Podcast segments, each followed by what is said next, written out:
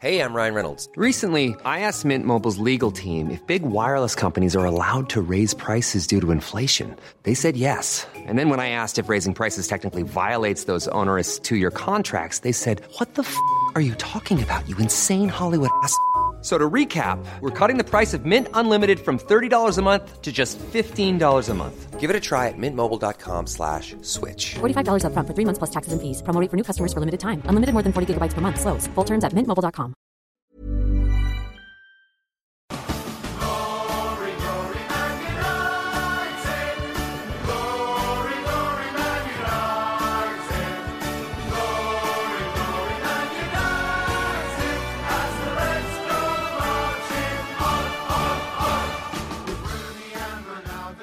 Halo, balik lagi bersama podcast Ganteng-Ganteng Manchester United bersama kita bertiga. Dan pada kesempatan kali ini kita pengen membahas sebuah apa ya malam minggu yang kelabu di mana setengah tujuh yang harusnya kita pacaran orang-orang yang mungkin apa ya yang mungkin jomblo pengen berharap dapat hiburan dari penampilan Manchester United terakhir sebelum kita break dua minggu di friendly match negara ya eh tahunnya akhirnya kita hampir saja menelan pil kekalahan setelah untungnya golnya di offside ya di Iya, iya, akhir offside. gitu kan Memang sudah biasa merusak malam minggu kita kan bro Bener-bener Manchester party United crasher banget berarti Iya kemarin iya. ya. Kemarin kan juga eh, di episode sebelumnya gue udah bilang ya ke Dias kalau lebih baik kita fans MU ini menyiapkan alternatif malam minggu. Kalau kalau MU seri atau kalah gitu. Tapi Kejadian lagi. Untungnya eh, series Netflix lagi bagus-bagus ya Jadi Oke, nah ini sebenarnya banyak hal yang bisa kita bahas ya di pertandingan semalam gitu kan. Dan gue yakin sampai saat ini ya gue cek di Twitter trending oleh Out Now, terus juga McFred dan segala macam pemain MU pun disebut termasuk Greenwood dan segala macam. Nah gue mau bahas dari pemilihan starting eleven yang menurut gue paling tidak ada beberapa perubahan ya. Gue eh, paling nggak nggak ngeliat Pogba bermain di sayap kiri dan juga beberapa hal yang akhirnya terjadi. Tapi baik lagi kesalahannya tetap memainkan McFred juga di, di, di tengah gitu Iya, kan. iya, mm. Lu gimana melihat akhirnya gue nggak bilang blunder tapi kesalahan yang oleh buat yang akhirnya akhirnya kita costing juga dan itu terbukti ketika Fred akhirnya kemarin kalah body di babak kedua akhirnya itu, itu, itu gol. Gue rasa sih Fred di babak pertama main cukup bagus ya sebenarnya gitu. Cuman entah mengapa setelah gue rasa sih setelah Martial cabut itu justru lebih lebih berkurang gitu eh, dalam segi permainannya gitu kan. Dan Fred gue Speechless. Tapi tapi sebenarnya yang lu bilang kan tadi di babak pertama dia bagus. Dia bagus, bro. Iya. Cuma emang satu kesalahan di babak kedua yang dia kalah body sama Betul. siapa ya Gray kalau nggak Yep. salah. Dan itu gue sempat baca uh, Owen Hargreaves pernah bil apa bilang setelah match kalau misalkan Sir Alex Ferguson masih ngelatih gitu dan dia melihat Fred kalah duel itu pasti dia nggak akan dimainin sebulan. kan. ini ini gila sih Fred. Aduh. tapi kayaknya enggak soalnya kan terakhir kan manajer kita kan masih senyum kan kemarin kan. Kayak happy happy aja dengan performance dari Fred gitu. Oke, nah ini selain Fred ada anomali juga yang kemarin terjadi gitu kan. Semenjak Februari, I think tahun ini Martial akhirnya cetak gol lagi. Iya iya betul. Dan betul. menurut gua golnya cukup indah gitu kan meskipun akhirnya ada beberapa tangan-tangan yang kemudian uh, membuat tuh gol. Dan apa yang lu lihat dari penampilan Martial taruh di sisi kiri, Vin? Gua ngelihat dia link up dengan show cukup bagus ya semalam dan sepertinya ini adalah momen yang tepat sebenarnya untuk Martial Reborn gitu di match ini ya. Cuma sayangnya kemarin kita juga habis dengar press conference-nya Ole ya bahwa ternyata dia ditarik bukan karena apa dan satu hal lainnya tapi karena dia dapat knock gitu di kakinya. Jadi memang hal yang tidak beruntung aja buat Martial. Di momen ketika dia bisa rise the performance ternyata dia malah cedera gitu. Jadi memang sepertinya semesta emang udah tidak tapi tapi bro ketika lo bilang uh, dia link upnya bagus dengan Shaw kok gue tidak melihat hal yang sama ya. Oh gitu. Oh, kita nonton di TV yang beda kayaknya. di TV yang beda. Maksud gue gimana bro? Gimana?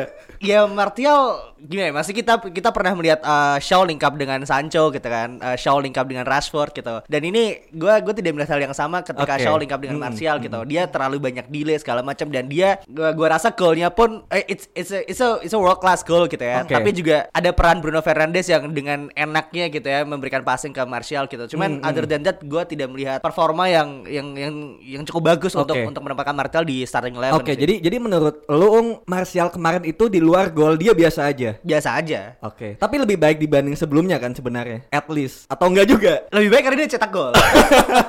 Oke, Eh, mentalnya ya. Betul. ya. Oke. I think ya salah satu yang terbaik ya mungkin secara mentality dia cukup lebih confidence ya. Kita bisa melihat dia lebih percaya diri daripada match-match sebelumnya sih. Oke oke, tapi em, kan banyak yang bilang setelah Martial ini keluar, ternyata MU mainnya nggak sefluid lagi, nggak sefluid itu lagi gitu. Itu gimana? Nah, gue rasa gini sih, gue sempat dengar ya kemarin obrolan di salah satu spaces Twitter gitu kan, ada yang bilang pembelian Ronaldo ini bukan sesuatu yang direncanakan gitu. Dalam artian Ini siapa yang bilang nih? kalau nggak salah One Stop United ya Oke. teman-teman. Oke.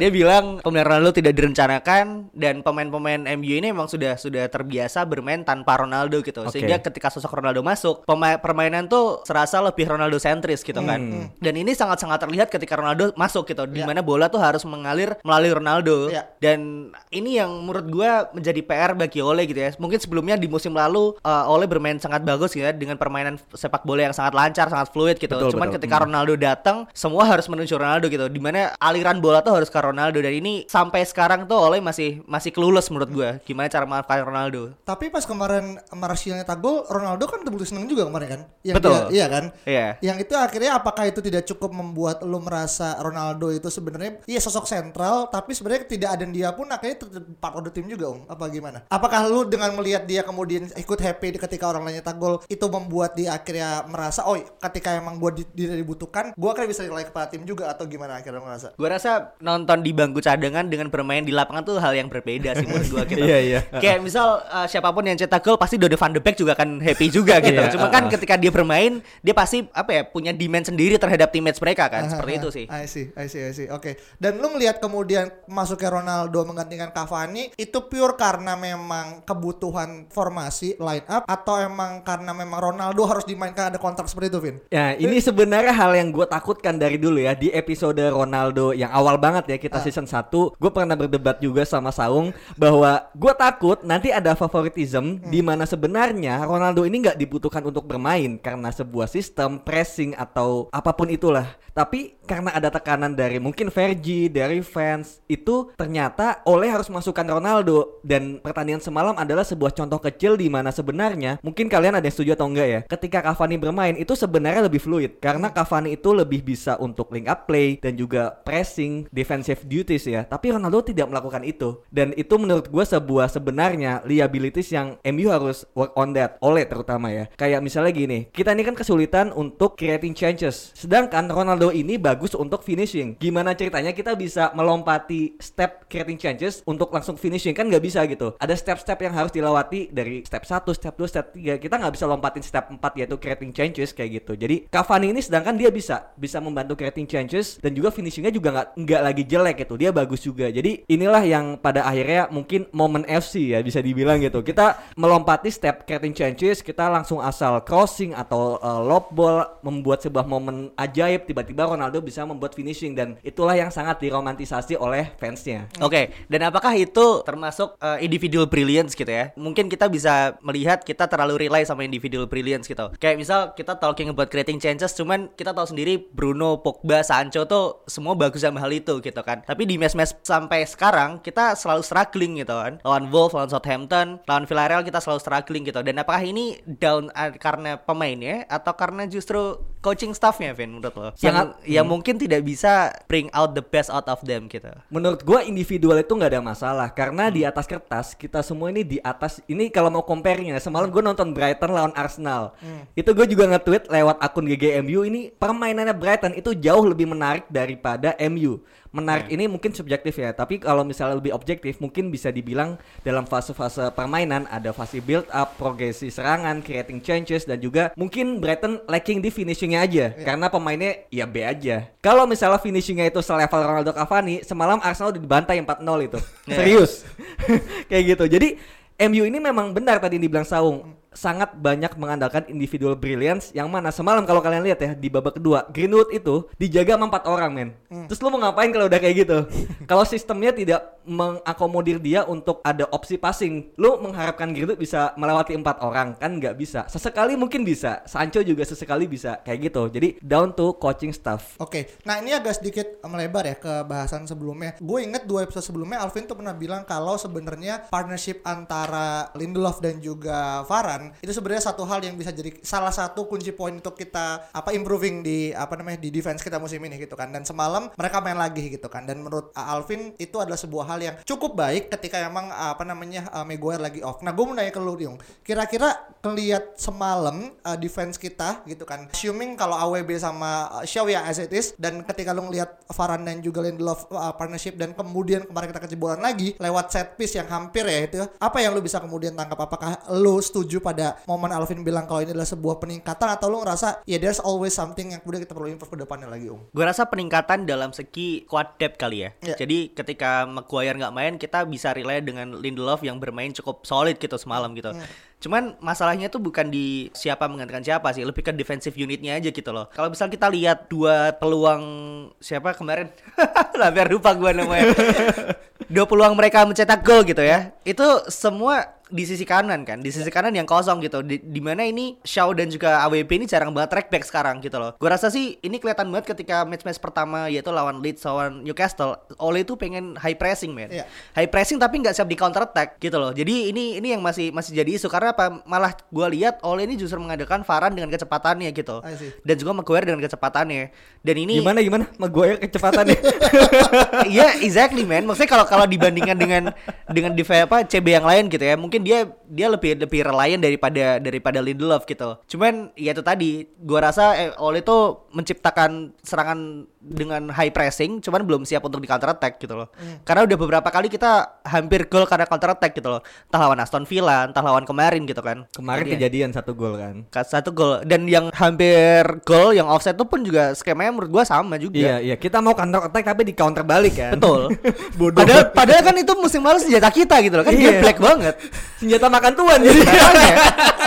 Kan konyol Dan anjir. babak pertama sebenarnya kalau nggak salah kan ada juga kan momen di mana lewat sisi kirinya MU yang akhirnya boleh keblok sama Lindelof lu kan nggak? Kalau nggak salah yang nendang Rondon yang nendang tapi Iya, untungnya iya. keblok sama Lindelof gitu. Dan Oke. itu menurut gua Yang di awal-awal Di ya? awal-awal Oke, benar oke. kayak gitu. Dan menurut gua kalau kemarin pun akhirnya kita mungkin agak membeli di belakang, gue yakin 3 sampai 4 1 tuh bisa terjadi gitu kan. Oke, Gua oke. rasa kalau Richarlison kemarin main habis sih kita. dan mereka udah nggak ada empat pemain kan. Empat Betul. pemain men. Bahkan oleh Cucu pun sudah tidak bekerja. Anjing banget ya. Itu digosoknya kurang mantep kayak itu kemarin. Makanya. Dan yang sebenarnya ah, gimana? Gimana ya, kita tuh punya tim yang secara squad sangat gila gitu ya. Kita Iya. mau Ronaldo, Sancho, Varane gitu. Sem- Cuman somehow ketika kita nonton MU, kita tuh selalu merasa anjing menang gak ya gitu. ini kan harusnya gak, gak seperti ini kan. Kita sebenarnya tidak seperti ini gitu loh. Iya iya iya iya. Dan sebenarnya pas kemarin kalau lihat di bench babak pertama kan lihat tuh ada ada ada Matic, ada Van de Beek, Lin- Bailey, Pogba segala macam dan tuh ada salah satu meme di Twitter tuh 300 juta men di bangku Iya. cadangan gitu kan. Dan menurut gue itu sebuah hal yang cukup ironi ketika kita punya bench yang sekelas itu, tapi sayangnya ketika kita kemudian uh, main terjun ke lapangan, yang satu gol tuh rasanya sulit banget gitu kan. Dan kemarin pun even Fred pun kemarin tadi belum sebut ya sama sama pas ingat gak yang Fred ngasih umpan ke Cavani tapi save dari Pickford di babak Iya, iya. pertama Iya, itu gue kan. ingat. Itu menurut gua hampir, tapi balik lagi kita nggak bisa menggantungkan pada hampir gitu kan. dan dan akhirnya dan akhirnya yang paling menjadi momentum adalah ketika Andrea Townsend akhirnya melakukan CU untuk fans MU, tapi bukan Iya. Ronaldo yang melakukan. Itu bangga sih.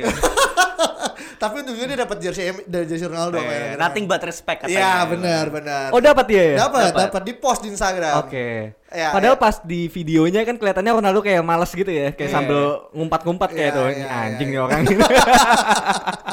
Dan lu kemarin ngeli- ngelihat akhirnya dalam artian penampilan MU as individuals dan kita tahu ya. Ini kan sebenarnya kemarin seperti kita bahas. Kalau kemarin itu kalah, mungkin Ole dan juga jarannya di ujung maut gitu kan. Dan kemarin seri, dua minggu break. Dan apa yang lu lihat dari dari hasil kemarin, Vin? Ya seharusnya ada improvement ya di coaching staff ya. Maksudnya adalah kita punya dua minggu break dan MU harus work on that gitu. Jadi sebenarnya gini di coaching staff ini kan oleh sebenarnya udah udah sadar gitu bahwa MU ini musim lalu kurang di set pieces terutama defending. Makanya mereka rekrut siapa Ramsey? Eh, Erik, Eric Ramsey ya kan. Nah, gua nggak tahu ya apakah Ole dan staffnya ini benar-benar memahami bahwa MU ini sangat kurang di creating chances kayak Ya. gitu dan juga build up. Dan kemudian apa yang harus dilakukan sama mereka? Ah. Tapi gue tidak melihat bahwa mereka itu ada effort untuk mencoba kayak rekrut tim kepelatihan yang lain gitu atau seperti apa gitu. Karena emang dari sisi creating chances dan juga build up itu mengandalkan brilliance-nya Maguire, Varane kayak sesimpel lu nggak memperbaiki sistem tapi lu beli pemain yang emang bisa gitu. Iya. Dan ketika ketika pemain itu ternyata dijaga dan nggak bisa, ya lu udah nggak punya sistem gitu. Nggak ada yang bisa nge-backup individual mereka itu yang sepertinya mungkin lagi turun performanya Hmm. atau misalnya lagi lagi dijaga, dijaga ketat misalnya dan juga misalnya kita lagi rota. Contohnya gini deh, gelandang. Kita rotasi pemain sedikit aja, itu pasti permainannya beda.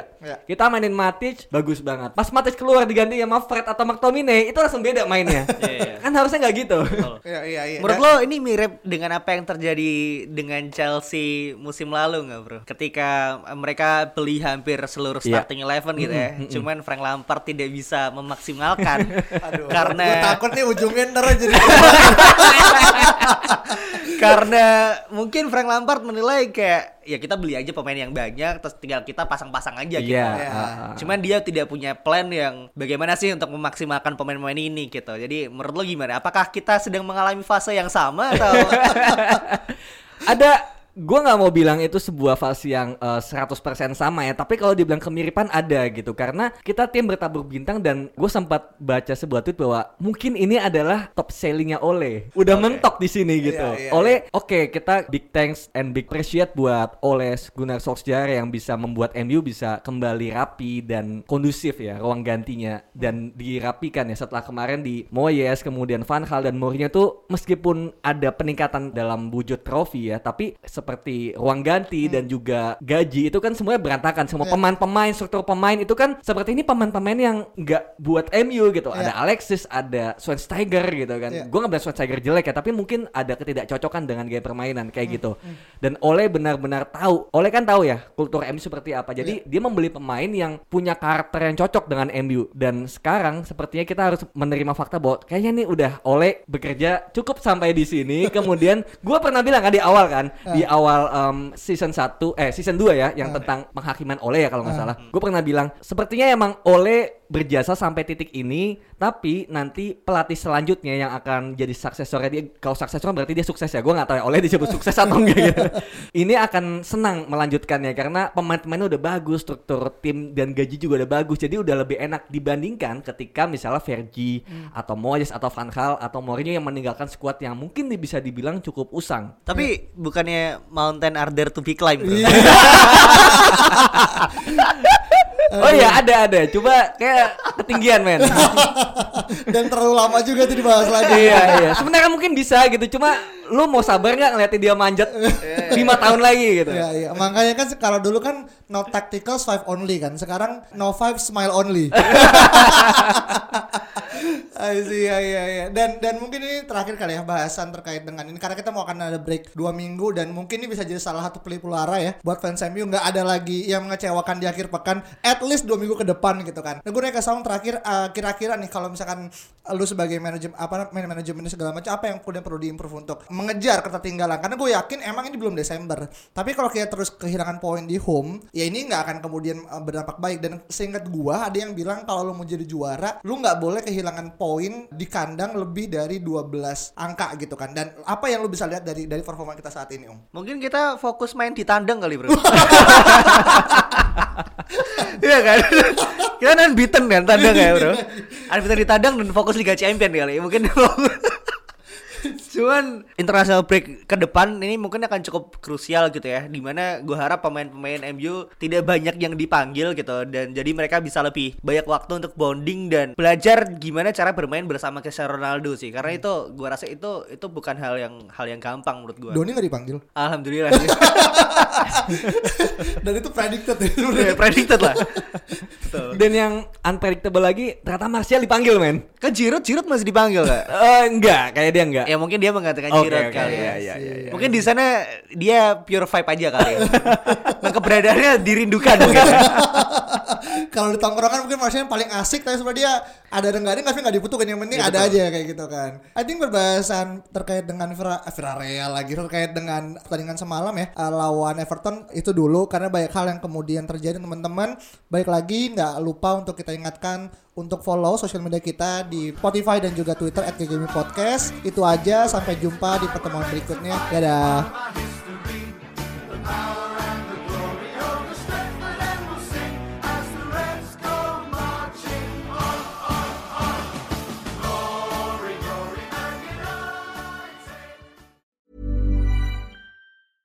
Hey, it's Paige DeSorbo from Giggly Squad. High quality fashion without the price tag. Say hello to Quince. I'm snagging high-end essentials like cozy cashmere sweaters, sleek leather jackets, fine jewelry, and so much more. With Quince being 50 to 80% less than similar brands. And they partner with factories that prioritize safe, ethical, and responsible manufacturing. I love that. Luxury quality within reach. Go to quince.com slash style to get free shipping and 365 day returns on your next order. Quince.com slash style.